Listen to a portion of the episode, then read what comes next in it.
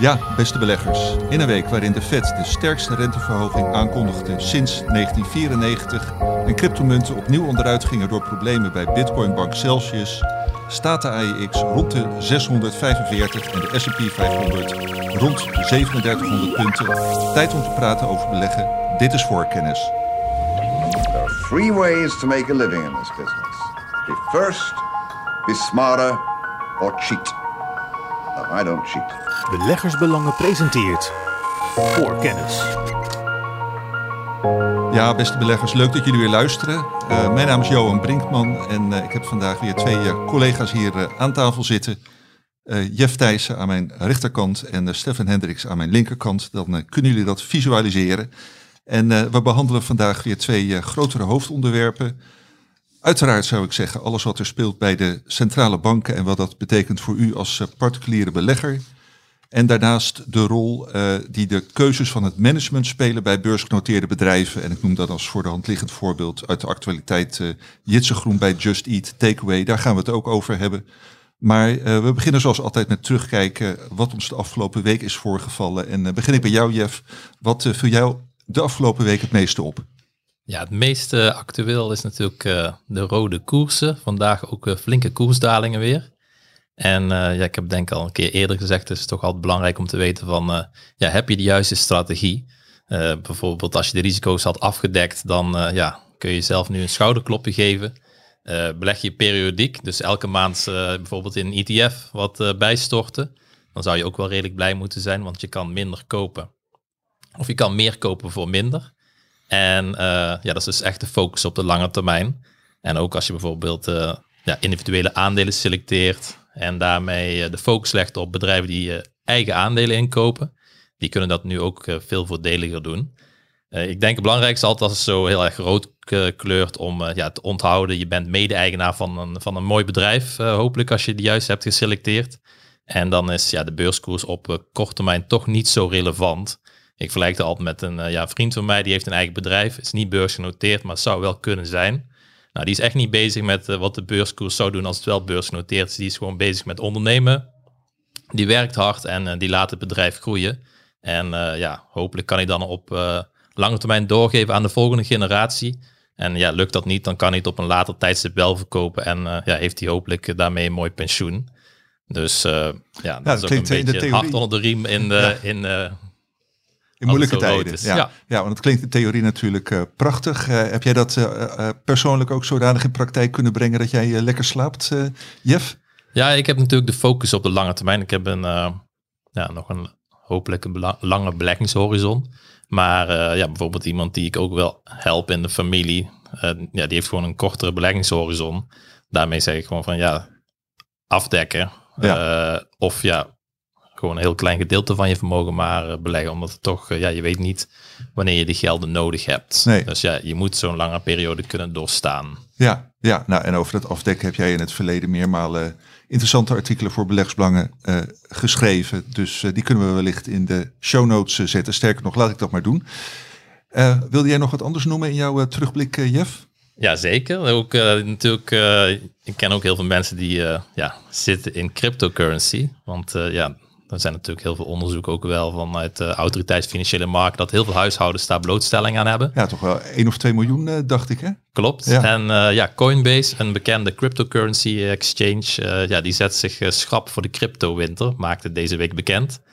Dus ja, die bitcoin en alle altcoins die zijn natuurlijk flink gedaald. En dat is geen positief nieuws voor Coinbase, want haar verdienmodel is ja, dat mensen zoveel mogelijk transacties doen.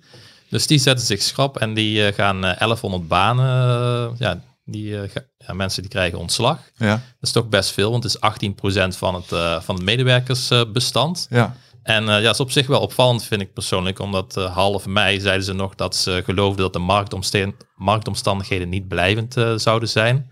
En dat ze ja, focus hielden op de lange termijn. Ja. Dus nou ja, kijken we dan vanuit beleggersbelangen ik heb er zelf een jaar geleden over geschreven. Uh, over Coinbase. Toen uh, ja, stond het op 310 dollar. En uh, ja, toen vond ik ja, geen interessante beleggingscase. Voornamelijk omdat ja, Binance, die is veel groter qua volume. Ja. En ook veel goedkoper qua transactiekosten. Dus ik Ja. dacht altijd, vroeg of laat zullen ze die transactiekosten moeten verlagen. Ja, Dat is niet goed voor de winstgevendheid. En het had al een mega hoge waardering. ja. Dus eh, ja, blij dat we daar eh, achteraf gezien geen koopaanbeveling op hebben gegeven, maar een strak verkoopadvies sindsdien. ja. Dus het is nu gedaald van 310 dollar naar 55. Dus hebben we dat in ieder geval. Dat eh, eh, verlies hebben we de belegger kunnen eh, besparen. bespaard. Ja, ja. Ja. Maar eh, eh, Binance, heb je daar toen de tijd eh, wel een koopadvies op gegeven? Of, eh? eh, nee, daar hebben we niet specifiek naar gekeken, omdat het, ja, die zijn niet beursgenoteerd. En eh, Nee, oh ja, dat is natuurlijk. Ja, eh, daar kun je eh, wel, eh, ja, een token van kopen, maar eh, daar hebben we geen eh, nee. advies eh, op Nee, uitgebracht. en het was waarschijnlijk ook, eh, ook slecht eh, uitgevallen in deze winter eh, voor de cryptocurrency. Eh, Klopt. ja, ehm Stefan, waar heb jij eh, op teruggekeken? Nou, het is natuurlijk een week die werd gedomineerd door de centrale banken, maar daar gaan we het straks eh, nog uitgebreid over hebben. Ja, Laat ik dan misschien wel twee eh, minder in het oog springende zaken noemen die niet meer wat mij betreft toch opvallend waren. De eerste is een winstwaarschuwing van een Engelse online modeketen ASOS. En ehm, nou, die, die winstwaarschuwing die was best fors, dus de winst voor belastingen zal geen 110 tot 140 miljoen pond gaan bedragen dit jaar, maar kennelijk 20 tot 60. Er zijn verschillende redenen voor gegeven. Een van die redenen was ehm, dat het bedrijf kan met heel veel retourzendingen. En die retourzendingen zijn volgens eh, top van ASOS dan weer het gevolg van het feit dat eh, het consumentengedrag verandert. Dus mensen die gewoon sneller dingen terugsturen, ja, eh, omdat ze last hebben, zegt het bedrijf in ieder geval, van inflatie. Dus dat Oké. de consumentenbestedingen beginnen te veranderen. Ehm, vandaag ook een trading update van een ander Britse keten, Boohoo heette die. Die noemde datzelfde fenomeen. Dus Ja. meer retourzendingen, handhaafde nog wel de winstverwachtingen voor het hele Ja. jaar. Maar goed, ASOS vandaag min 30%. De laatste keer dat ik keek, Boohoo ook nog weer min 13%. En ik vermoed dat het thema van, ehm, nou ja, van inflatiedruk op consumentenbestedingen, dat dat nog wel iets is wat we de komende maanden eh, meer zullen gaan horen, Ja. vrees ik. Dus dat, dat, dat viel op. ja. Even voor mijn begrip, heb jij enige idee eh, ja, binnen welke termijn je spullen mag terugsturen? Is dat, moet dat binnen een paar dagen of moet dat, kan dat in, in een maand of twee maanden? Nou, meestal is een veel gehoord is twee weken volgens mij, maar misschien kan het soms ook nog wel langer. En, en hoe dat met die Britse ketens zit, Ja. weet ik niet. Er zijn wel, eh, ze noemen natuurlijk wel meerdere oorzaken. Er natuurlijk ook eh, problemen in de toeleverketen, et cetera. En, en voor hen ook inflatie. Maar eh, er werd niet ook wel gewoon echt direct gewezen op veranderend consumentengedrag. En dat is Mensen die dan binnen twee weken erachter komen van ja, ik heb wel die aanschaf gedaan, maar eigenlijk kan ik me dat niet veroorloven. Of welke termijn dan ook. Ja. Ja, ja. En, en dat is kennelijk. ehm, nou ja, de- de- ik vind dat dat is op dat gegeven is op zich al opvallend genoeg. Maar dat het dus ehm, deze impact heeft op de bedrijfsvoering Ja. is denk ik ook nog wel opvallend. Ja, helder. Ehm, dus ja, dus dat wat betreft de consumentenbesteding. Ik vermoed eh, dat we het daar nog wel vaker in deze podcast de Ja. komende maanden over zullen gaan hebben. Het andere wat opviel, een heel ander onderwerp, maar dat is dat eh, president Biden een brief heeft gestuurd naar een aantal eh raffinagebedrijven om te zeggen dat ze eigenlijk gewoon meer brandstof moeten gaan produceren. Ehm, ja, simpelweg omdat er, eh, er is nu te weinig. Dus de prijzen gaan omhoog. Nou, brandstof is natuurlijk eh, voor Amerikaanse consumenten onvoorstelbaar belangrijk. Nogal, hè, hier speelt de discussie al, maar in Amerika is dat natuurlijk ook heel erg belangrijk. Hij vindt, ehm, en, en daarom vind ik dit opvallend, hij noemt een reden, ehm, ja, die, die raffinagebedrijven, die moeten gewoon meer gaan doen, want het is eigenlijk niet acceptabel, waren zijn woorden, om eh, deze winstmarges te realiseren in tijden van oorlog. Nou, kun je eh, het daar wel of niet mee eens zijn? Dat is denk ik niet zo heel erg relevant. Wat denk ik relevant is, is dat er nu weer eh, vanuit de overheid geluiden komen over bedrijven die zogeheten overwinsten behalen. En of die redenering nou wel of niet terecht is. Ik denk dat ook dat een thema is dat we nog vaker gaan eh, terugzien de komende maanden. Overheden die op de een of andere manier hè, ehm, geld uit moeten geven. Bijvoorbeeld om consumenten te compenseren voor stijgende eh, energielasten. Ja, dat geld moet dan op een gegeven moment ook alweer ergens vandaan komen. Ja. En dit is een van de, eh, nou ja, het, het extra belasten of het benoemen van overwinsten, of het Ja. nou wel of niet terecht is, is daar één van. Eh, in het Verenigd Koninkrijk speelde dat natuurlijk ook al, hebben we ook eens een keertje in de podcast behandeld. Je ziet wel tegendruk van die bedrijven, dus Britse oliebedrijven, die hebben gezegd, ja, op het moment dat wij meer belasting moeten gaan betalen, moeten wij misschien ook nog maar eens even gaan bedenken eh, of we die investeringen die we allemaal gepland hadden, bijvoorbeeld Ja. in de Noordzee en elders in, de, in het Verenigd Koninkrijk, ja, of we die nog wel moeten gaan uitvoeren. Ja. Dus je ziet, er- maar er zit in ieder geval spanning in. Ehm, En heeft dat eh, puur met de belastinginkomsten van de overheid te maken, dat ze die nodig hebben? Of ook eh, zoiets van, nou ja, we moeten het electoraat wel tevreden houden en eh, nou ja, ook met Amerikaanse eh, tussentijdse verkiezingen eh, in het vooruitzicht eh, ja, de consumenten niet nog verder op kosten jagen? Ja, beide dingen. Consumentenvertrouwen staat natuurlijk eigenlijk overal onder druk. Hè? Dat kun je kan zien, niet alleen in Amerika, maar ook hier. Ja. Nou ja, dat is precies wat je zegt. Als er verkiezingen in aantocht zijn, dan is het natuurlijk heel slecht voor een zittende regering om te maken te hebben met zwaar inzakkend consumentenvertrouwen. Dat is meestal niet een omgeving die heel erg prettig is om Nee, als nee. regerende partij een campagne te voeren. Ehm, dus er zit druk. eh, en, en het is natuurlijk inderdaad ook nog wel gewoon een. eh, ja, er wordt ontzettend veel geld uitgegeven. We zien ook de debatten in de Nederlandse Tweede Kamer daarover. Ehm, nou, er is natuurlijk heel veel gezegd over eh, mevrouw Hermans van de VVD. Dat hoeven we hier nog een keertje over te doen. Maar een van haar commentaren was natuurlijk ook van. ja, we kunnen misschien niet alles compenseren. En dat heeft natuurlijk ook gewoon te maken met het feit dat een overheid inderdaad niet alles kan compenseren. Omdat er geen. Ja, er zit toch ook wel ergens een grens Ja, ja. aan eh, overheidsuitgaven. Ik vermoed dat, dat belastingen, eh, linksom of rechtsom, eh, de komende tijd voor overheden nog wel een, een wat grotere rol zullen gaan spelen om in ieder geval meer inkomsten te krijgen. En dan heb ik het dus over belastingen op misschien wel vermogende particulieren, maar ook over bedrijven. Ja, en daar gaan beleggers op twee manieren dan mee te maken krijgen. Oké, eh, volgens mij had jij nog wat andere... Nee, dat, dit waren jouw onderwerpen waar ik wou eh, terugblikken. Gaan we gewoon snel door eh, naar het eerste hoofdonderwerp? Nee, dat gaan we niet. We gaan eerst nog even aan Jeff vragen. Waar, Jeff, waar heb jij afgelopen week in Beleggersbelangen over geschreven? Ja, voordat ik die punten behandel, wou ik nog even wel kort, ik had nog wel een puntje voor de terugblik. Dat had ik gezien. En dat Ah. was dat eh, de Securities and Exchange Commission, die is, eh ja, Amerikaanse maar- toezichthouder. ja, eh, de voorzitter die was aan, vorige week zijn ja, ongenoegen weer aan het uiten over payment for order flow. ja, Oftewel dat je bijvoorbeeld ja, gratis kan beleggen bij bepaalde brokers zoals Robinhood. ja, Je betaalt geen transactiekosten, maar achter de schermen wordt dan ja, jouw order feitelijk gedeeltelijk verkocht. Vaak heb je dan iets minder gunstige uitvoering. ja, En dan ja, de broker die krijgt dan een soort van ja, kickback fee. ja, eh, geld terug van degene die het order heeft uitgevoerd. ja, En hij wil eigenlijk dat bestens orders voortaan eh, ja, de, naar, een veilige markt, naar een veilingmarktplaats worden gestuurd. In plaats van naar zo'n, ja, bijvoorbeeld een market maker die het order kan gaan uitvoeren. ja, Eh, dat is een interessante ontwikkeling.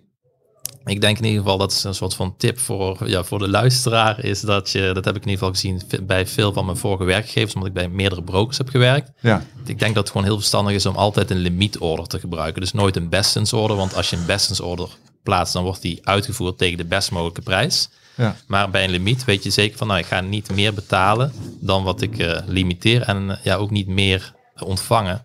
Eh, of ja, ik ga minstens dit bedrag ontvangen. ja, En met name bij optiebeleggers is het nog wel belangrijk, want eh, vaak zie je bijvoorbeeld een stelling. Dus eh, bieden is een dollar ja, en eh, laten is bijvoorbeeld 1,20 dollar. Dat Ja. verschil noemen we de spread en dat is Ja. 20 cent. ja, En ja, heel veel klanten destijds, die, als ze dan iets willen kopen, dan, dan gaan ze gewoon 1,20 inleggen. Dus dan betaal je feitelijk de laadprijs. ja, Terwijl als je een limiteert aan de middenkoers, dus Ja. aan 1,10, ja, dan krijg je daar ook vaak direct uitvoering aan. ja, Dus ja, slimmer limiteren, zeker als je actief handelt. Eh, dat is gewoon, eh, ja, dat kan flink oplopen, omdat ja, een optie gaat altijd om 100 aandelen. Dus als je 10 cent kan besparen met je limiet, ja, wat feitelijk meestal altijd direct haalbaar is, dan bespaar je al feitelijk meteen op één order 10 dollar. ja, Eh, terwijl ja, je ziet heel veel klanten die zeggen van nou, ik ga naar de Giro of ik ga naar een andere partij, want daar zijn de transactiekosten het laagst. Maar door zelf al slim te limiteren, Ja, ja. heb je eigenlijk de grootste verdiensten. Oké, nou dat is een hele waardevolle tip. En eh, zie jij eh, ja, in navolging van de Amerikaanse toezichthouder, de AFM, hier ook eh, iets over zeggen binnenkort? Nou ja, die zijn daar ook actief mee bezig. Ehm, dus ja, het is even afwachten wat, ja, wat daar gaat uit, uit voortkomen. Ik weet dat sommigen het ook willen verbieden. Dat, ja, de payment for order flow. Maar ja, dat lijkt in Amerika in ieder geval niet te gaan gebeuren. Maar ze zoeken een andere manier om orders te versturen. Dus naar een veiling, eh, een soort van marktplaats. Dat meerdere partijen kunnen ja, concurreren om het order van de klant uiteindelijk. En dat zou dan ja, tot een beter eh, resultaat moeten leiden voor, eh, ja, voor de particuliere, particuliere belegger. Ja. De vraag of dat ook lukt in de praktijk, dat is altijd afwachten. Maar ja, je kan het beste al doen, vind ik zelf als brokers bijvoorbeeld zouden zeggen, bestens order, dat kan niet standaard. Dan moet je eerst iets activeren eh, Ja. en dat erbij staat, ja, wat de risico's zijn. Ja. Gewoon het verstandigste is gewoon om altijd een limiet in te sturen Ja, in. Alle, alle omstandigheden. Oké, nou, dat lijkt me een zeer eh, waardevolle raad voor mensen die dat eh, nog niet doen. En eh, nou, Dan eh, het blad. het blad. Ja, Jeff, je mag ook wel gewoon de presentatie overnemen hoor. Maar eh, nee, dat mag je niet. Maar vertel alsjeblieft wat, welke interessante artikelen heb je geschreven afgelopen week? Ja, ik heb best uitgebreid een keer aandacht besteed aan Ibusco. Ja. Een bedrijf wat nog niet zo lang eh, beursgenoteerd is. Dat is vorig jaar, eind vorig jaar, nog net op tijd naar de beurs gekomen. Eh, gezien het klimaat eh, nu. Ja, Eh, maar dit aandeel blijft toch redelijk goed liggen, want het is aan eh 23 euro naar de beurs gegaan. ja, En ja, het staat nu ongeveer op 22. En ik Ja. zag ook wel een leuke comment op Twitter van een van onze concurrenten. Ja. Die zei van, eh, wij noemen het aandeel wordt aan iPlusco. Oké, Omdat, eh, ja, het was vandaag, alles zat in het rood gedurende de handelsdag Ja. op een bepaald moment. Maar iBusco stond toch weer in de plus. Oké, wat doen zij goed dat eh, het zo goed blijft liggen, die koers? Nou ja, ik denk dat ze ja, natuurlijk wel een mooi verhaal hebben. Om, zonder in alle details te treden. Ja, het is natuurlijk eh, het is een mooi groeiverhaal met een hoog eh, ESG-gehalte. Ja, Eh, de elektrificatie van, van ja, de bussen, dat, dat, snapt iedereen wel. Dat dat een beter alternatief is dan de diesel ja, qua uitstoot. Maar ja, Ibusco heeft een technologische voorsprong. Ja, wil je daar meer over weten? Ja, lees, lees ons artikel, zou ik zeggen, op, op de website. ja, we gaan hem in de show notes zetten. En ja, iets waar ik het van, ja, nu even concreet over wil hebben, is een column die ik heb geschreven. En het gaat over de berenmarkt. Want ja, we zijn toch in de berenmarkt beland. Ja, Meer ja, dan 20% gedaald, de S&P 500 en ook eh, de AX ten opzichte van de hoogste slotkoers. Ja, Eh, ja, dan zit je feitelijk in een berenmarkt. En ja, als die eh koersen hard dalen en ja, de winsten dalen niet harder, dan zou je kunnen zeggen, ja, aandelen zijn nu ook weer een stukje aantrekkelijker gewaardeerd. ja, Dus correcties bieden ook altijd kansen. En ik heb zelf eh, voor mijn persoonlijke portefeuille heb ik een aandeel gekocht. Ik ben iets verder van huis gegaan, want ik, ik, ik beleg graag vaak dicht bij huis. Maar eh, ja, ik ben voor Siemens gegaan. En eh, ja, ik denk dat het een beetje een combinatie is van groei en van value. ja, En ik denk dat dat op dit moment wel interessante ja, beleggingen zijn. ja, Dus ja, het bedrijf die gaat tot twee- 2026 verwachten ze autonome omzetgroei te gaan realiseren, Ja. te gaan behalen van 5 à 7 procent. De winstgevend nog iets, eh, winstgevendheid nog iets beter, dus ze focussen op een winstgroei van, eh, van 7 à 9 procent. ja, En eh, ja, wij hebben het in onze koerswijzer ook staan met een geschatte KW van 14. ja, Nou, dat is denk ik niet extreem veel voor een bedrijf dat toch inspeelt op verschillende ja, megatrends. ja. Dus eentje van is digitalisatie eh, of ook eh, automatisering. Ik denk gewoon een heel interessant bedrijf. En eh, Ja, ja, en, voor, de, voor de helderheid, jij hebt het aan je persoonlijke portefeuille toegevoegd, maar eh, ook als beleggersbelangen hebben wij er een koopadvies eh, op. Zeker. klopt.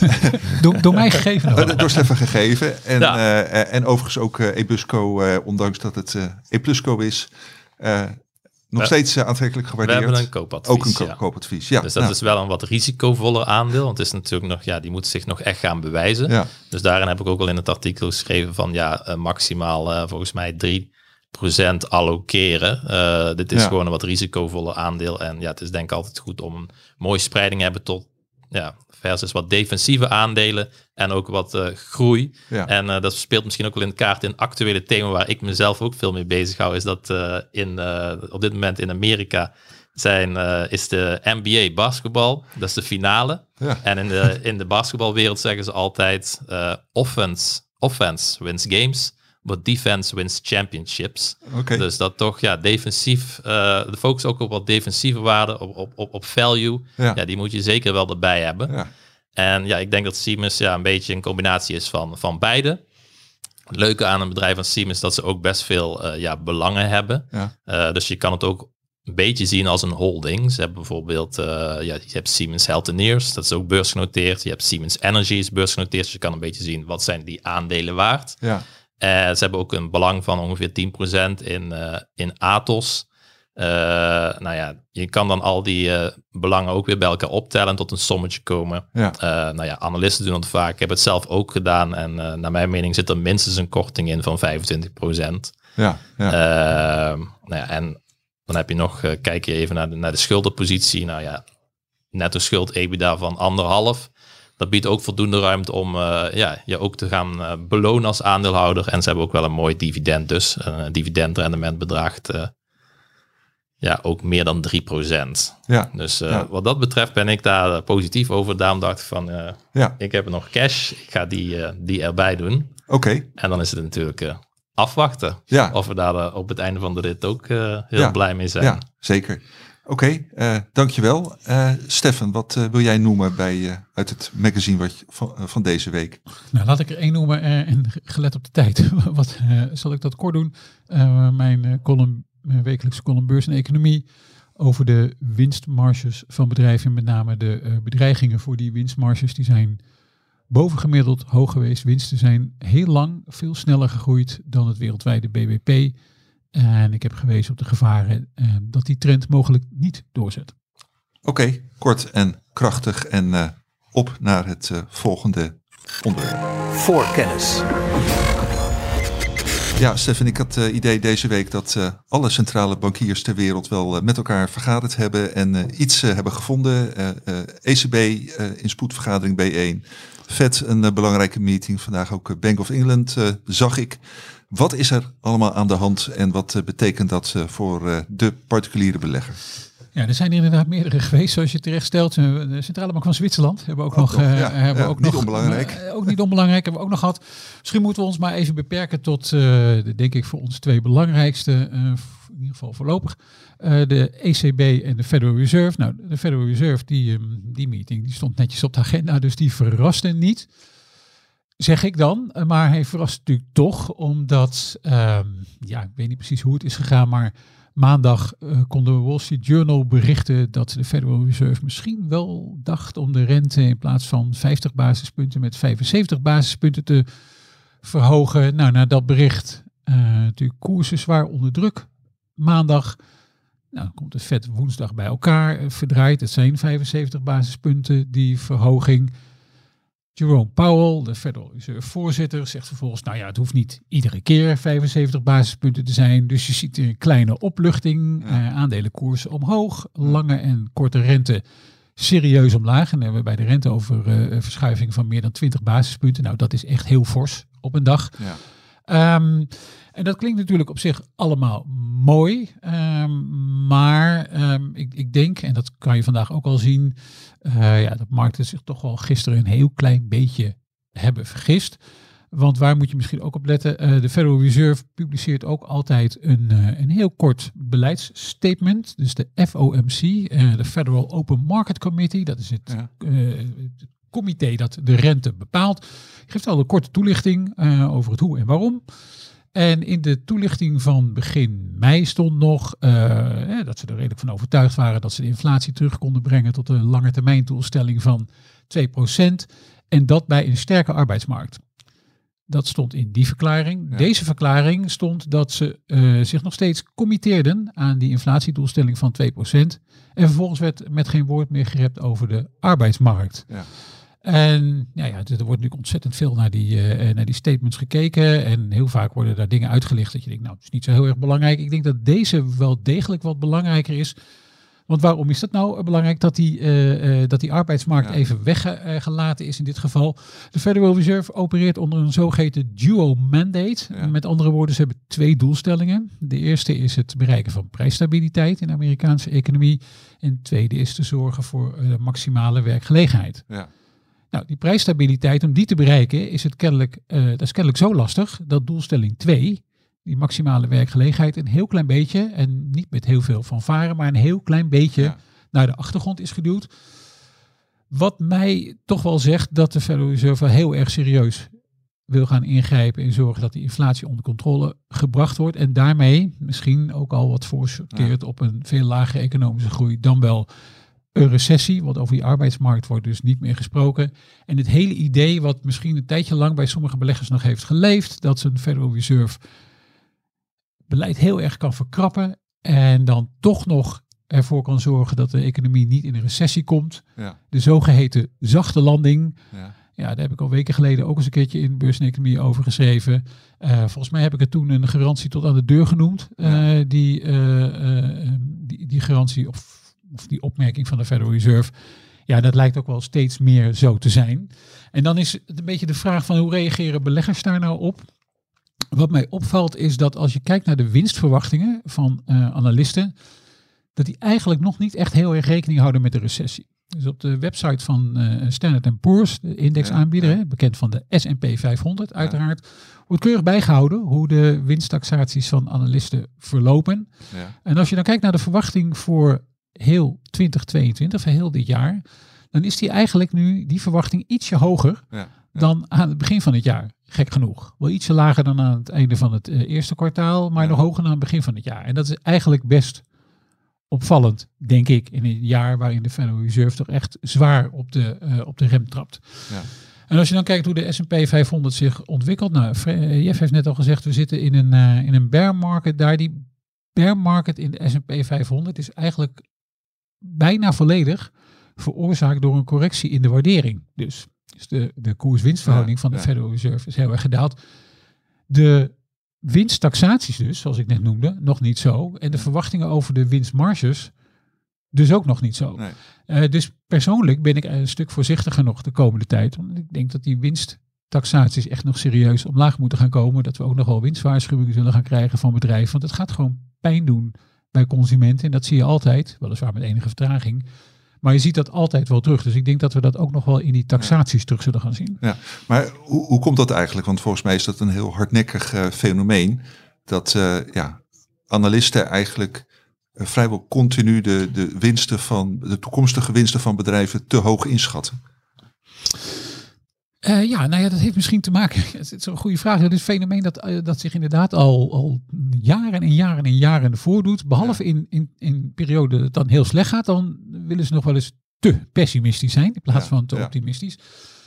Ja, het heeft er denk ik mee te maken. Om te beginnen, kijk, beleggers zijn natuurlijk, eh, denk ik, is totaliteit in de regel wel een vrij optimistische groep. Hè? Je, je, je doet natuurlijk mee in, in groei en, en profiteren van groei. Dus, ja. je, dus beleggers zijn altijd wel groei georiënteerd. Je kijkt natuurlijk altijd dat, dat het meer Ja, wordt. ja. Ehm, dus dat is, dat is volgens mij wel, het speelt wel een rol op het moment dat die taxaties gemaakt worden. En als wij analistenrapporten zien, Mhm. en die eh, rapporten die gaan bijvoorbeeld groeiverwachtingen uitspreken tot en met 200, 2025 of 26 of 27, Ja, dan zie je in de regel daar een vrij rechte lijn van groei ja, ja, in. Dus er wordt gewoon niet zo heel vaak eh, gerekend op een groeidaling. Nou ja, we, we kunnen daar heel diep op ingaan waarom dat precies is. Ik denk dat het voor analisten en voor economen, want voor economen geldt een beetje hetzelfde, want hoe vaak wordt er een, echt een recessie voorspeld, Ja. totdat die eigenlijk al is geweest.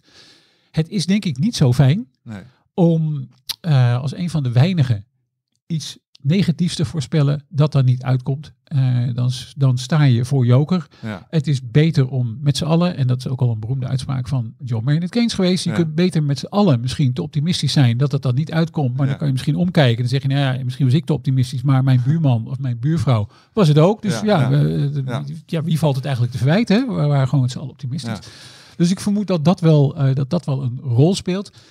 En ik denk ook nog wel dat in dit geval specifiek een rol speelt dat het nu nog steeds niet duidelijk is of die eh, eh, recessie er, er is.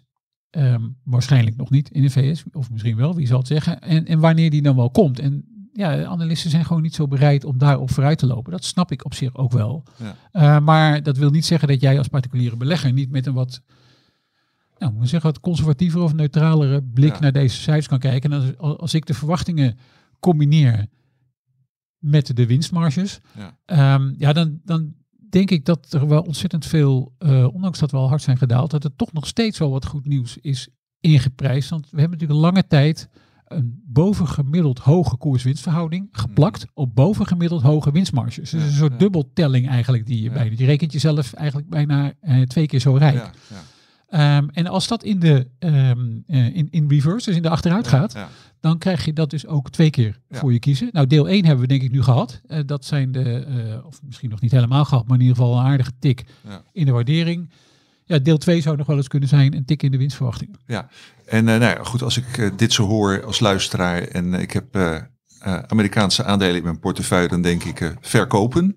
Maar goed, eh, jij bent ook desondanks nog wel redelijk positief over een aantal Amerikaanse aandelen. Ik noem maar wat, eh, wat, eh, wat farmaceuten, Pfizer of zo, die jij ook hebt opgenomen samen met Menno in de hoogdividendportefeuille.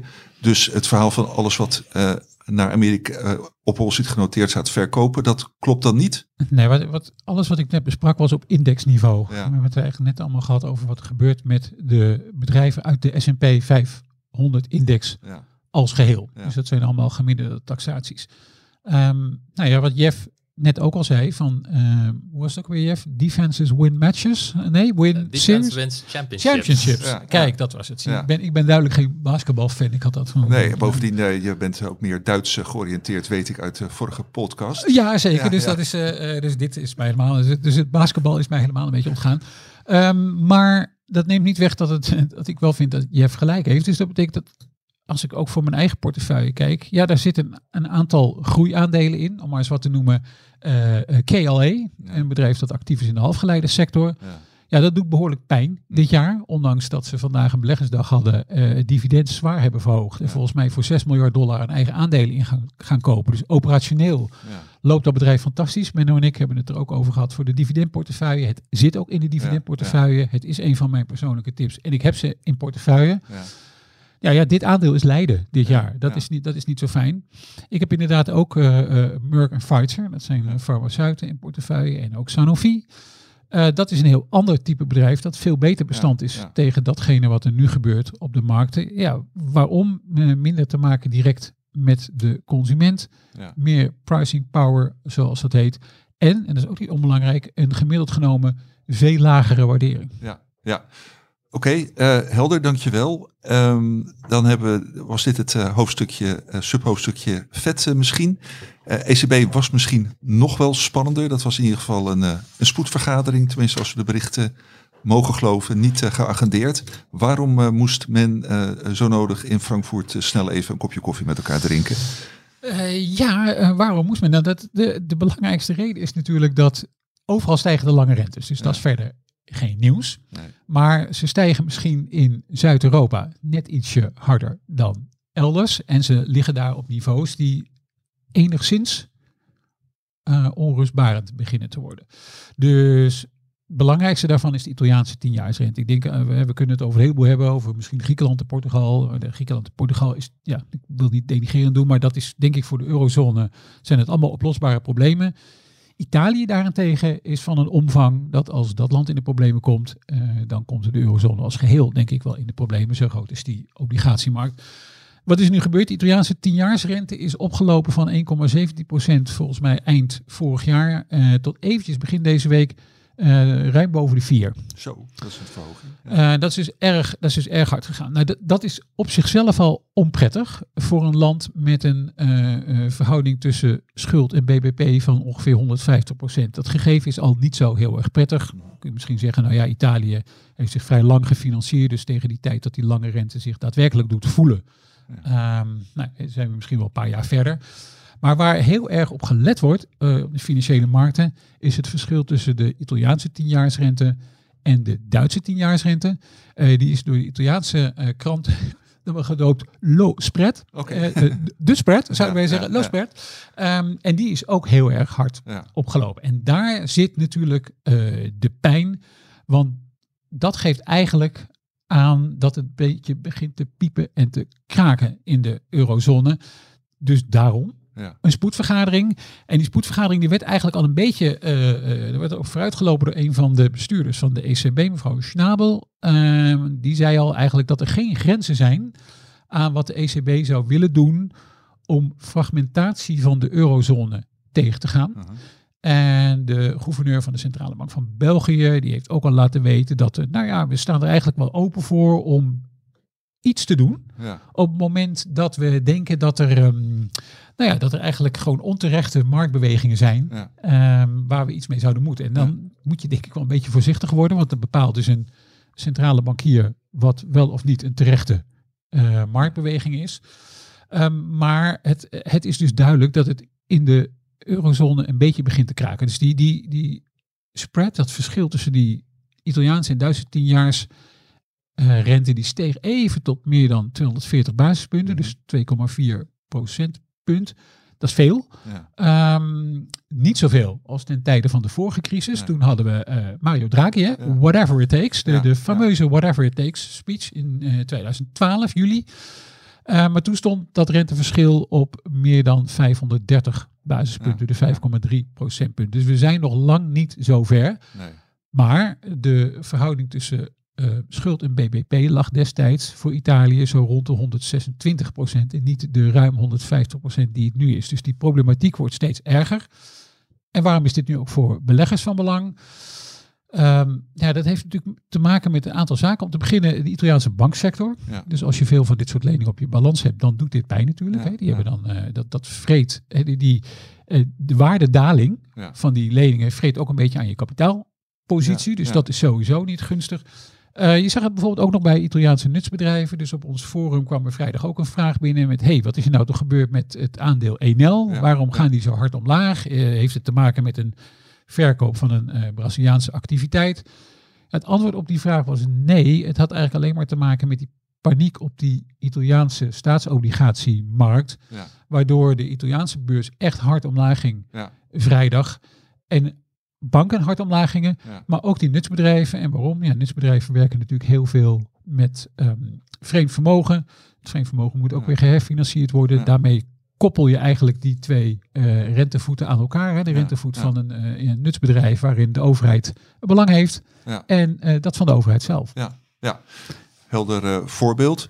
En nou kan ik me herinneren na die eh, befaamde Draghi-speech, dat dat eh, nou toch wel in ieder geval een jaar lang en misschien wel langer gouden periode voor Europese aandelen betekende. Die, die schoten echt omhoog. Nou, hebben we in ieder geval gisteren en vandaag niet in Europa gezien, althans zeker vandaag niet. Eh, ja, hoe hebben beleggers eigenlijk gereageerd op die eh, eh, vergadering en de uitkomsten daarvan in Frankfurt gisteren? Nou, dat was in principe wel positief. Dus de aandelenkoersen stegen en de, de rentes daalden. Ja. Dat is dus, de Italiaanse rente is weer gedaald van ruim Ja. boven de 4% Ja. tot onder de 3%.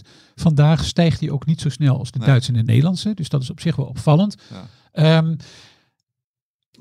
hoe dat nou uiteindelijk uit gaat pakken, wat er nou gaat gebeuren, dat wordt nog wel interessant. Want ja, ze zijn wel gezellig bij elkaar gekomen, eh, de dames en heren van de Europese Centrale Bank. Ja. Maar er is nog geen plan. Nee, nee. Dus eh, de mededeling was eigenlijk, we zijn bij elkaar gekomen en we hebben gezegd tegen een aantal beleidsmedewerkers van de Europese Centrale Bank, ja, ehm, verzin maar iets eh, ja. waarmee we ehm, die fragmentatie van de eurozone, dat vind ik ook wel op- opvallend. Iedereen heeft het, gebruikt nu dat begrip om die fragmentatie van de eurozone te voorkomen. Dus er, er zal nog wel iets opgetuigd worden. Ja. Eh, en dan moet er creatief nagedacht worden, want je moet iets optuigen misschien dan in een periode waarin de centrale bank zelf eigenlijk juist een verkrappend beleid wil Ja, voeren. Hè? Want ja. de ECB moet net als de Federal Reserve en de Bank of England en de Zwitserse centrale bank en noem ze allemaal maar op, Ja, natuurlijk die hogere inflatie Ja. bestrijden. Dus moet, daar moet ook nog iets voor opgetuigd worden. Ehm, ja, tegelijkertijd is eh, de, de markt natuurlijk eh, niet gek, denk Nee. ik. Dus dat die eh, rente in Italië zo hard oploopt, dat is denk ik helemaal niet zo gek. Want 150% schuld-BBP-verhouding is gewoon onvoorstelbaar hoog. En de Italiaanse obligatiemarkt is ontzettend groot. Ehm, dus ja, de, de, er zal nog wel wat uit moeten komen aan de kant van de ECB. Maar ja, ook dit is een thema dat gewoon wel door blijft zetten. Ja, en wellicht nog eh, te vroeg om te spreken van een eh, eh, hernieuwde eurocrisis. Maar ja, we moeten dit wel goed in de gaten blijven houden de komende weken en maanden. Ja, nogal. En dat zal ik voor mezelf ook moeten doen. Want ik ben me, ik ben me nu trouwens letterlijk even achter de oren aan het krabben. Maar ook figuurlijk heb ik dat ook al gedaan. Ik heb natuurlijk een, een, een koopadvies op het Italiaanse nutsbedrijf Enel. En die staan gewoon dit jaar onvoorstelbaar onder druk. Ondanks het feit dat het operationeel gezien helemaal niet zo slecht loopt. Nee. Maar dat aandeel wordt eigenlijk gewoon een beetje mee naar beneden getrokken door al hetgeen in Italië plaatsvindt. Ja. En dan, ehm, ja, dan moet je ook denken aan eh, eh, belastingmaatregelen waar we het net over Ja, hadden. Moeten ja. die overwinsten van bijvoorbeeld bepaalde eh, nuts- of oliebedrijven niet extra worden belast? Ehm, dat betekent wel ja, dat ik, ik de komende dagen ook alweer ga kijken wat ik nu precies met dat advies aan moet. Want het aandeel staat echt ongelooflijk onder druk. Veel meer bijvoorbeeld nog dan eh Iberdrola, om Ja. maar eens wat te noemen. Eh branchegenoot, vergelijkbaar in omvang en in activiteit. Ehm, dus het is, eh, het is wel een, een lastige situatie aan Ja. het worden. Dus het is niet alleen maar, soms denk je nou, het is een kwestie die speelt op de obligatiemarkt. Daar hebben wij Ja. als aandeelhouders misschien niet zo heel veel, of aandelenbeleggers, niet zo heel veel mee te maken. Niets is dus minder waar. Nee, helder. Eh Jeff, tenzij jij eh, hier eh, nog iets heel slims aan toe te voegen hebt, wat zomaar zou kunnen, maar wellicht ook, ook niet zo is, wou ik Ja, door ik naar denk het dat volgende het, onderwerp. Maar ja, het is gewoon een heel interessant, ja, wat natuurlijk allemaal zich afspeelt, de inflatie en de reactie daarop van de centrale banken. Om dan toch nog wat positiefs daar ook in te zien, is dat ja, we zitten nu in die berenmarkt, maar ja, berenmarkten duren vaak niet zo lang. En als je kijkt naar de historie, bijvoorbeeld die van 2007 tot 2009, die duurde 17 maanden, dat was dan best lang. ja, Maar eh, vorige keer bij de coronacrisis was het maar een maand. Ja. Eh, en er staat, eh, dat had ik recent wel gezien, dat er behoorlijk wat geld ook aan de zijkant staat. Er was een onderzoek van, ja, volgens mij, Bank of America. Dat ja, in de maand mei hadden die fondsbeheerders eh, ja, niet zoveel cash achter de hand dan ten opzichte van zelfs 2001. Dus dat geld zal vroeg of laat ook weer terug naar, de, ja, naar aandelen moeten gaan ja. omdat ze anders eh, ja, de index niet kunnen verslaan. Dus dat Ja. geeft nog een steuntje in de rug misschien. ja ik, eh, ik voel een discussie aankomen. Stefan wil graag Ja, nog mag, ik zeggen. er nog één, één puntje over zeggen? Eh, ja, dat klopt. Het ging eh, in 2020 natuurlijk heel erg hard met de coronacrisis en toen ook weer heel erg hard omhoog. De omstandigheden eh, die, die dat mogelijk maakten, ja, die zijn er nu niet.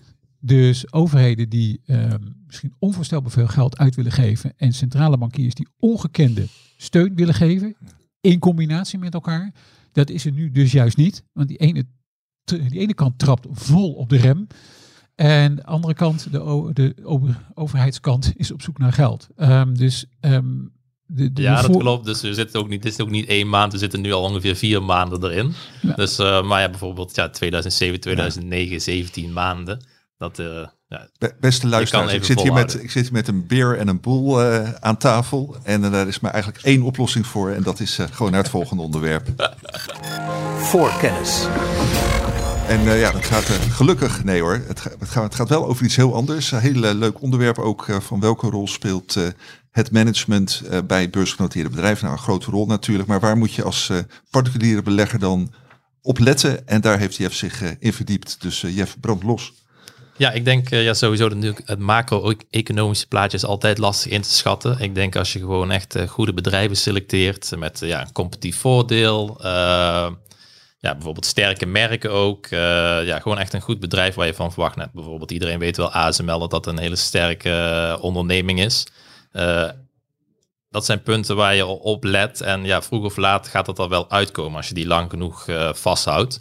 Eh, zeker als je het ook in gespreid eh, doet. Want ja, dan kan natuurlijk bij één individuele aandeel kan altijd iets fout gaan. Maar eh, waar ja, de meesten niet zo vaak aandacht aan besteden is het management. En ik denk dat dat ook niet het allerbelangrijkste is. Maar het kan wel ja, het verschil maken of je een mooi rendement gaat behalen of niet.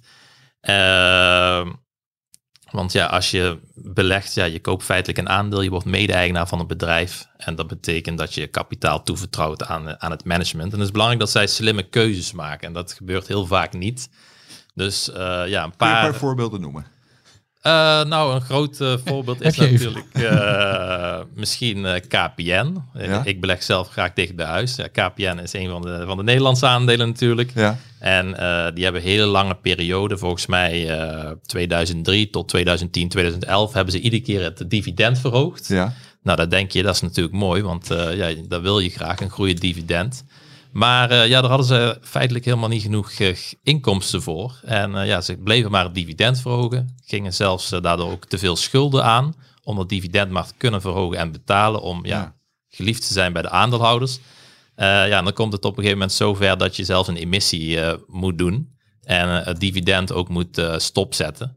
En eh, ja, dat is natuurlijk wel een heel bijzonder verhaal dat dat gebeurt bij een bedrijf als KPN. Dat is dus echt heel slecht management geweest. Want Dat is ja, de heer eh, Scheepsbouwer, geloof ik, hè, die dat... eh, dat weet ik niet zeker. heeft in ieder geval bij een, een lang deel van dit beleid aan het Ja, roeren zijn. Zou ja. kunnen zeggen dat hij misschien eerst bij de redding betrokken is geweest en misschien daarna bij de dividendondergang ook een rol heeft gespeeld. ja. Maar eh, ja, dat is natuurlijk wel een heel bijzonder verhaal, want eh, ja, de, dat businessmodel is vrij voorspelbaar. Eh, je weet wel ongeveer wat de Ja. inkomsten zijn, wat de kosten zijn. En dat je dan ja, zover eh, ja, het bedrijf feitelijk naar de afgrond stuurt. Ja. Eh, dus dat is één. Dus je hebt wat, wat criteria bedacht waarop de belegger het Ja. kan beoordelen, het management. Inderdaad. Nou, eentje is denk ik kapitaalallocatie. Dat is gewoon heel belangrijk. Nou ja, wat kan een bedrijf doen met de inkomsten? Ze kunnen investeren in organische groei. Eh, ze kunnen schulden aflossen. Ze kunnen de eigen aandelen inkopen. Ze kunnen je ook belonen met dividend. En ze kunnen overnames doen. Ja, En eh, ja, ik denk dat het management gewoon altijd goed moet kunnen uitleggen wat ze doen met het geld. ja, En het is ook wel belangrijk om daar goed op te letten. En met name ja, overnames, die kunnen nog wel eens wat geld kosten. ja, Dus belangrijk om te kijken van, eh, ja, wat is de focus van het bedrijf? Ja. En eh, ja, soms ook wel eens kijken naar het beloningsrapport van, van een onderneming. Daar kijkt helemaal niemand naar. Nee. Maar dat is toch, eh, staat soms wel wat interessante informatie in. Zeker als bijvoorbeeld eh, ja, de CEO beloond wordt om marktaandeel te winnen. ja, Ja, wat is de makkelijkste manier om marktaandeel te winnen? Om veel overnames te doen. ja. Terwijl ja, uit wetenschappelijk onderzoek blijkt, ik heb vandaag nog even snel gegoogeld, is dat dat toch wel ja, 70 tot 80 procent eh, van de hele grote overnames, dat dat geen succes Ja. blijkt te zijn. Zeg je nou heel simpel, als een bedrijf een grote overname doet omdat eh, ja, de CEO eh, of het management dat wil, is dat een slecht teken en moet je als belegger wegwezen? Ja, ik denk dat het gewoon een hoger risico met zich meebrengt. Dus je moet daarvan bewust zijn en altijd natuurlijk alles afwegen. Maar eh, ja, we hebben hier natuurlijk een vriend van de show waar we wel eens na- naar, eh, een koppeling naar maken. Dat is die Charlie Munger van eh, de rechterhand van Warren Buffett. Ja, En die zegt, die heeft wel eens gezegd als een quote van show me the incentive and I will show you the outcome. Dus Ja. soms zitten er gewoon triggers in dat beloningsrapport. ja. Waar je zou zeggen van nou, dan, dan moet ik als aandeelhouder misschien niet zo blij mee zijn. ja. Wat, wat is dan volgens jou een goede trigger en wat is niet een goede trigger? Nou ja, een goede, geen goede trigger is natuurlijk dan als het dan een grote. eh, als de focus ligt echt op overnames doen, Ja. vind ik persoonlijk. Ik zie liever eh, meer de focus op autonome groei. Ja, Dat duurt langer ja, en dat is ook lastiger.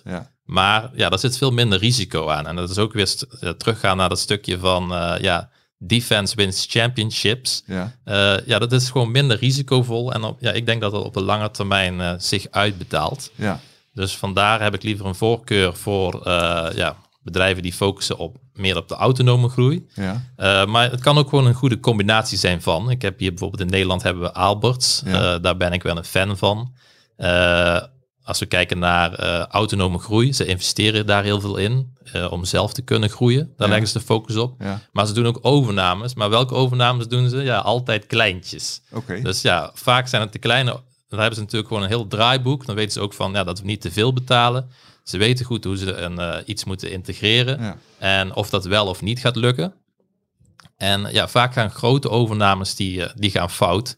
Eh, en het meest recente voorbeeld is natuurlijk ja, een aandeel wat wel bij veel particuliere beleggers geliefd is. Pijnlijk bij Just Eat Takeaway. ja, een stap gemaakt naar Amerika. Eh 7 miljard eh, Mhm. ongeveer hebben ze daarvoor moeten betalen om Ja. Grubhub over te nemen. ja, En ja, volgens we de laatste schattingen moeten geloven, of het geruchtencircuit van, eh, van Bloomberg, dan is dat nog 1 miljard waard. ja, Ja, dat is natuurlijk kapitaalvernietiging puur sang.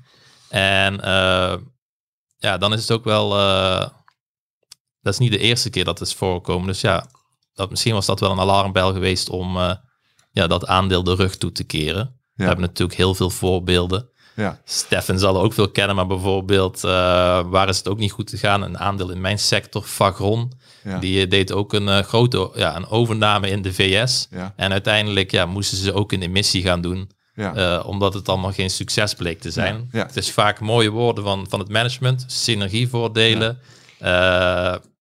Is er inderdaad een voorbeeld, Stefan, wat ja, als eerste bij jou opkomt? Ja, toen we de hoogdividendportefeuille startten, keken we ook al naar bedrijven natuurlijk met een aantrekkelijk dividendrendement. Daar zaten onder meer eh, AB InBev Mhm. eh, en AT&T tussen. Uh, AB InBev, keek ook naar de schuldpositie, die was echt krankzinnig hoog, Ja, eh, boven ja. de 100 miljard. Als gevolg van Ja, een overname, echt dramatische overname. Dat heeft aandeelhouders zoveel dividend gekost en ook zoveel koersverlies. Dus dat is een, een, een treurig voorbeeld wat mij betreft. Ook redelijk recent. En eentje natuurlijk met een ontzettend lange en heel onaangename nasleep. Was natuurlijk de overname van Monsanto door Bayer. Dat is ook een, eh, ja, een dossier echt geweest waar je als aandeelhouder van eh, zou willen dat het nooit had plaatsgevonden. Ja, helder. En Jeff, kun je nog een aantal andere alarmbellen noemen als het om het management van de bedrijven gaat, het eh, gedrag daarvan? Uh, nou ja, je hebt natuurlijk dan dat stukje wat ik had gezegd van autonome groei versus uh, de overnames. Ja. Ik denk wat ook wel interessant is, is om jezelf af te vragen, wat voor een belegger ben ik en waar Ja. ligt mijn focus? Ja, En eh, als jouw focus ligt op de lange termijn, dan, ja, dan kun je ook het beste een onderneming kiezen die ook de familie, of ja, niet de familie, want dat, dat, eh, dat is eigenlijk het antwoord, die, die ook de focus legt op de lange termijn. En dat zijn toch wel vaak ja, familiebedrijven. Ja. Dus eh, je ziet ook wel op de hele lange termijn dat die ja, vaak beter doen. Daar is ook gewoon ja, wetenschappelijk onderzoek naar gedaan en dat is ook onderbouwd. En je ziet toch ook soms wel bedrijven die te veel de focus hebben op korte termijn. Dus die zijn dan bijvoorbeeld nu al bezig met wat gaan we volgend kwartaal doen, in plaats van echt de focus wat, wat verder wegleggen. Ja. Van volgend kwartaal gaan we zoveel winst eh, genereren en dan gaan ze daar alles aan doen om dat te bewerkstelligen. Want je wilt de belegger, niet de aandeelhouder, niet teleurstellen. ja, En eh, ja, wat is daar het effect ervan? Als je het even wat minder hebt, dan denk je van nou, het is even wat minder. We moeten, om het doel toch te behalen, gaan we misschien even kosten besparen. Dan ga je misschien even zeggen van nou ja, die medewerkers die kunnen toch even niet die opleiding doen.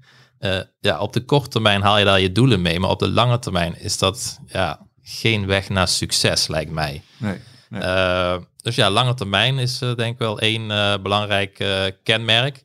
Misschien wel een van de allerbelangrijkste en ook wel de moeilijkste is natuurlijk integriteit. ja, ja, vertrouw je het management? eh, hebben ze ja, goed, eh, goed leiderschap? En eh, ja, het is ook heel vaak voorgekomen dat het niet zo integer bleek. Dat, ik weet dat een, mijn collega bij mijn vorige werk, die had net bij die financiële crisis, had die aandelen SNS opgepikt. ja, Ook met het verhaal een beetje van, ja, goed geluisterd ook naar het management. Van, ja, wat zeiden die dan tegen aandeelhouders? Nou ja, de financiële crisis in de, in, eh, in de VS, eh, ja, Nederland staat daar los van. ja, Ehm dat gaat ons niet raken. En eh, ja, vervolgens natuurlijk wel. En dan Ja. misschien nog wel, ja, wat ik zelf dan ook wel, daar mogen ze zich, zich toch wel een beetje voor schamen, is dat je dan nog dividend gaat uitbetalen net voordat de bank omvalt. ja, Dus ja. ja, dat, dat is dan het management. En Ja. ja. Ja, goed, zi- zijn dit eh, op zich eh, natuurlijk een aantal dingen die je als, eh, als particulier wel kunt waarnemen als je goed oplet, maar toch meer in het algemeen. Hoe, hoe hou je als simpele particuliere belegger met, met, met 10.000 of 5.000 of nou, wie weet 100.000 euro in een bedrijf het management in de gaten? ja. Nou ja, het is eh, niet iedereen heeft die mogelijkheid, maar ik denk dat het sowieso interessant is om eh, ja, oude interviews te lezen van, eh van eh, degene die aan het roer staan. Ja, een van de redenen waarom ik zelf graag dicht bij huis beleg, is dat je vaak ook wel ja, iemand kent in je netwerk die bij het bedrijf werkt. Ja. Bijvoorbeeld, ja, personeel weet als de beste Ja. eh, hoe zij met z'n allen en de collega's over eh, het management denken. ja, Dus daar krijg je ook wel een eh, goed beeld bij. ja, Natuurlijk ook terugkijken in het verleden, want dan kun je vaak zien, nou, ze komen met bepaalde lof, beloftes. Kunnen ze die waarmaken? En ik denk heel belangrijk ook, ja, iedereen kan fouten maken. Bijvoorbeeld ook bij Just Eat Takeaway. Je doet die grote overname. Nou ja, je zegt dat het een, een topbedrijf is wat je ging overnemen. Ze hebben ook wel wat pech gehad. Doordat opeens ja, de overheid gaat bepalen dat je nog maar zoveel maximaal mag verdienen per order. in de VS. eh, In de VS. Ja, ja, Maar eh, ja, daar wordt dan. eh, ja, ik denk dat het heel belangrijk is dat je ook dan de fout toegeeft als management. ja. En- Vind, vind je dat Jitse Groen dat voldoende heeft gedaan? Nee, dat, dat, dat vind ik niet. Hij, hij gaat helemaal niet over dat er, dat, dat er een fout is gemaakt. Dus ja, het, het lijkt ook wel een CEO met een wat, wat, eh, ja, wat meer ego dan misschien eh, ja, menig ander gemiddelde CEO.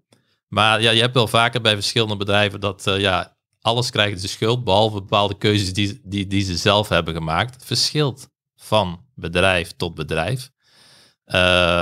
Maar ja, ook weer, we hebben het net al eerder genoemd van Aalbos. Ja, die staan er onbekend Ja. ja, dat, ze, ja, dat ze doen wat ze zeggen. En, Ja, eh, ik zag uh, Stefan zijn hoofd een beetje schudden toen je het eh, over Jitse had. Dus eh, wil jij hem eh, in verdediging nemen? Nou ja, het is meer de, eh, de, de trend. Dus vergeet niet wanneer die overnames worden gedaan en wat dan de achterliggende motieven zijn.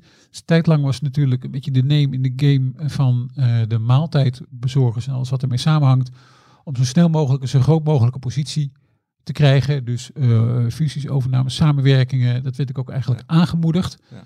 Vergeet ook niet dat, uh, dat het ook beleggers zijn die die koersen natuurlijk dusdanig hoog hebben opgejaagd. Dat, het, dat de prikkel om iets te gaan doen voor het management ook nog eens een keertje uh, daar heel erg is. Hè? Want je wordt niet afgestraft, maar soms wordt het zelfs nog toegejuicht. Ja. Um, dus, dus ja, als aandeelhouder heb je daar misschien zelf ook nog wel een zekere rol bij te spelen. Niet de kleine aandeelhouder natuurlijk, die kan dat verder niet, niet beïnvloeden. Maar er zijn natuurlijk ook wel aandeelhouders die bijvoorbeeld, zodra ze wat veel cash op de balans van een bedrijf zien staan, er onmiddellijk beginnen, uh, nou of onmiddellijk, maar in ieder geval na verloop van tijd toch gaan uh, duwen en trekken aan het management. Joh, doe eens wat ja. met die cash, of keer het anders maar uit, maar blijf er niet op zitten, of koop eigen aandelen in, doe een superdividend, neem wat over, investeer het, maar doe er in ieder geval iets mee. Ja. Nou, dan speel je ook al een rol. Dat klopt. En dat is dan wel een verschil tussen ja, goede manager en uh, wat minder goede manager. Is dat hij zich daar niks van aantrekt van de buitenwereld. Ja, nou ja, dat weet ik niet. Kijk, je bent natuurlijk als, als topbestuurder. Um, kijk, de aandeelhouders zijn natuurlijk de eigenaren van het bedrijf. Uh, dus het is niet, het is niet zo dat de, dat de CEO maar alleen maar kan doen wat hij zelf wil. Uh, de aandeelhouders zijn natuurlijk eigenaar. Um, wordt natuurlijk gestemd op de aandeelhoudersvergadering over beleid. En, en misschien, en is eigenlijk waar we het nog niet zo over gehad hebben, maar wat ook een vorm van management is, zie ik ook nog vaak een raad van commissarissen boven hè, bij zo'n bedrijf. En die kan natuurlijk ook wel wat, wat zeggen. Ja, ja. En ik denk iedereen die het boek De Prooi bijvoorbeeld heeft gelezen, ja. ziet wat een... Uh, over ABN AMRO. Over ABN AMRO, wat zeg maar een niet optimaal functionerende uh, raad van commissarissen ook uh, kan veroorzaken. Ja, klopt. Jeff, is er nog een criterium wat jij nog wil noemen? Ja, ik heb deze? nog uh, één uh, criterium af te ronden en ook nog iets zeg maar, terugkomend op wat Steffen zei. Ja. Is dat ja, je hebt ook wel een heel leuk beleggersboek, vind ik althans. Dat heet The Outsiders. Ja. En daarin ja, wordt een aantal top CEO's besproken. Ja. En een daarvan is ja, een specifieke CEO die staat dan bekend als ja, de kampioen eigen aandelen inkopen. Ja. En uh, ja, er zijn dus ook gewoon CEO's die zeggen van ja, we hebben dat geld op de balans. Wij kopen nu geen eigen aandelen in. Want ja, we wachten gewoon op een beter tijdstip. En die ja. dan echt in zo'n zware correctie opeens flink gaan kopen. Ja. Nou, als lange termijn aandeelhouder heb je daar ja, denk ik meer profijt van. Ja. Uh, maar als we dan specifiek kijken nog naar het management, want sommige dingen zijn natuurlijk vrij subjectief en lastig. Ja. Ik denk nog wel twee punten. Dan verantwoordelijk zijn ze voor de schulden. Want ze, ze kunnen natuurlijk zelf kiezen wat ze met de gelden doen. En uh, ja, als je te veel uh, ja, investeringen doet, bijvoorbeeld overnames, en je schuld hoog laat oplopen, daarmee ja, neemt ook het risico van, uh, van de belegging toe. En ja, zij zijn wel verantwoordelijk voor ja, welke keuzes ze maken. Ze kunnen ook bijvoorbeeld kiezen voor schulden aflossen. Ja. Dus ja, dat zeggen we altijd al. Let ook altijd op de schulden. Ja omdat daar gewoon risico mee gepaard gaat. Ja. Maar uh, als je het een beetje wat objectiever wil bekijken, ik denk dat het heel belangrijk is, dat vind ik persoonlijk, misschien niet iedereen, dat er ja, toch gelijke belangen zijn. Ja. En uh, ja, wat bedoel ik daarmee is dat ja, het management ook uh, ja, flink aandelenpakket heeft. Ja. En ja, bijvoorbeeld, ik heb hier drie Nederlandse bedrijven die naar mijn mening behoorlijk wat, waarvan de CEO best wat aandelen heeft en waar ik ook wel positief over ben. Ja is bijvoorbeeld uh, Aalberts. Uh, de CEO Wim Pelsma die heeft uh, een portefeuille van ter waarde van 7,6 miljoen aan aandelen. En zijn salaris, jaarsalaris is 800.000. Dus daaruit zou je kunnen opmaken, uh, als het slecht gaat met de beurskoers, dan wordt hij ook in zijn portemonnee geraakt. als het andersom zou zijn, dat hij een, een 7,6 miljoen aan salaris ja, heeft, ja en zijn aandelenportefeuille is maar 800.000, ja, dan heeft het dus geen enkel effect. Nee, nee. Uh, of ja, maar heel beperkt. Dus ja. het is fijn als de belangen ja, gelijk zijn, ja. want dan worden er soms ook andere keuzes gemaakt. Ja. Nou, een ander uh, aandeel waar ik wel fan van ben, uh, NEDAP, technologiebedrijf. de CEO die zit er ook al een heel best een behoorlijke tijd. Die bezit voor 2,5 miljoen aan aandelen. En zijn salaris is 427.000 op jaarbasis. Uh, ja, wat zou ik dan een beetje kunnen meegeven als uh, regel? Ik zou zeggen van ja, kijk toch eens naar de, de bedrijven waar je in belegt. En het management eh, ja, hoeveel, hoe groot is hun aandelenbelang. Om te zien of het dan ook eh, ja, de belangen gelijk zijn. Dat ze toch wel minimaal vijf keer eh, zo'n groot belang hebben als hun jaarsalaris. Dat vind ik op zich wel een sterk teken. En wat ik ook wel een sterk teken vind, is als ze recent eh, ja, ook aandelen hebben bijgekocht. Dus kopen vind ik vaak wel een vrij sterk signaal. Zeker als het om grote positie gaat. Want Ja. ze kopen maar om één reden. En dat het denken dat het zelf ook ondergewaardeerd is. Ja, En eh, verkopen, daar kun je niet altijd eh, iets eh, uittrekken. Zeker als het om wat ja, procentueel kleiner belang gaat. Want Ja. ja. misschien gaan ze een huis kopen voor hun dochter. ja, Je weet het niet. Maar ja, als ze echt alles gaan verkopen, dat, dat, dat vind ik toch zelf niet zo prettig. Nee. En een goed voorbeeld daarvan is ook ja, de CFO van Altis. Die ging eh, zijn hele belang afbouwen. Eh, in ieder geval heel veel aandelen. En toen, eh, niet kort daarna, bleek dat toch alles niet zo lekker liep. in, bedoelt in de toko. Altis wat ook in de AEX heeft gezeten, Franse telecommaatschappij. Ja, inderdaad. ja, ja. Dus ja, ik denk dat het gewoon belangrijk is om daar naar te Ja. kijken. En ja, ik heb dit jaar bijvoorbeeld van een van de aandelen die ik dan ook zelf bezit, zag ik bijvoorbeeld bij het aandeel Dieteren.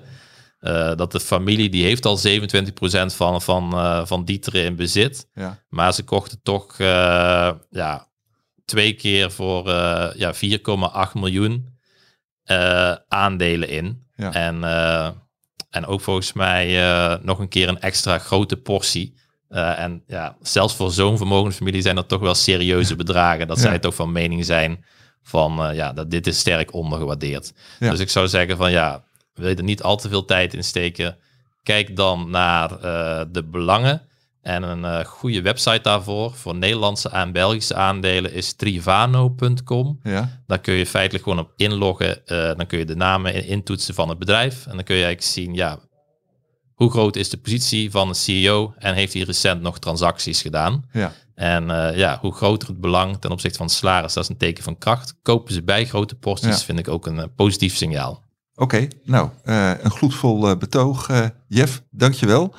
Eh we gaan eh, langzaam richting afronding. Voorkennis. Ehm, ja, eh, afronding is altijd waar kijken we naar eh, eh, vooruit. Nou, ik kijk zelf een klein beetje uit naar het einde van deze podcast. Want we zijn al over een uur en de doelstelling is toch om binnen een uur klaar te zijn. Maar goed, het was ook een, een weekje en wellicht kunnen we nog heel lang doorpraten over de komende week. Maar toch, Stefan, kort en bondig, waar, waar kijk jij naar vooruit? Laten we dan heel kort doen, Johan. We hebben nog een centrale bank gemist misschien in het eh, betoog waar het over hebben gehad. We hebben een heleboel genoemd. Hè? Eh, Euro, ja, ja. Eurozone, Verenigde Staten, Verenigd Koninkrijk, Zwitserland. Japan nog niet. En die komen morgen bij elkaar. En waarom is dat nu van belang? Japan is een beetje de witte raaf onder de centrale banken. Eh, want in plaats van dat ze gaan verkrappen, zijn ze eigenlijk nog altijd bezig geweest met het, eh, met het eh, ja, in ieder geval eh, ver- verruimen. Of, Ja. of sowieso niet verkrappen. Eh, met als gevolg dat de yen natuurlijk onder ongekende druk is gekomen de afgelopen Mhm. tijd. Eh, de Japanse tienjaarsrente liep ook iets op. Dus ik ben heel erg benieuwd hoe, eh, hoe zij nu verder zullen gaan met, met hun beleid. Eh, want nogmaals, het is een beetje, een, zoals ze in het Engels, eh, Engels zeggen, een outlier onder de centrale bank. Ja, nou, super benieuwd. En eh, we gaan eh, het meemaken eh, morgen op vrijdag. Jeff, waar kijk jij eh, naar uit? Ehm, ja, ik kijk uit naar het aandeel CFE, want dat gaat eh, eind deze maand gaat dat, eh, wordt dat gesplitst. Belgisch aandeel? Ja, dat heb ik ook in de offensieve portefeuille. Ja, En eh, ja, ik heb dat altijd in die portefeuille mede ook daar gedaan, ingestopt, omdat ik dacht dat ja, DEEM, dat onderdeel uitmaakt van CFV, dat dat op een gegeven moment apart naar de beurs zou komen en dat ja, daarmee ja, de waarde meer naar buiten zou komen. Dus soms is de som der delen meer waard dan het geheel. ja, is nu wat lastiger, eh, omdat het eh, zo'n negatief sentiment is. ja. Maar eh, ik denk dat Deem eh, ja, wel een heel interessant aandeel is. Dat is een baggeraar en ja, ook specialist wereldwijd. In ieder geval zeker in Europa nummer één voor de installatie van windparken op zee. ja. Dus als die dadelijk alleen staat, dan komen er misschien ook weer wat meer bedrijven of ja, investeerders bij die alleen maar focussen op duurzaamheid. ja. Dus ik ben benieuwd hoe dat eh, zich gaat ontwikkelen. Ja, nou, wij zijn ook eh, benieuwd. Jeff, uh, Stefan, hartstikke bedankt voor deze mooie uitzending weer. Luisteraars bedankt voor het luisteren. En volgende week zijn we gewoon weer terug. Tot dan.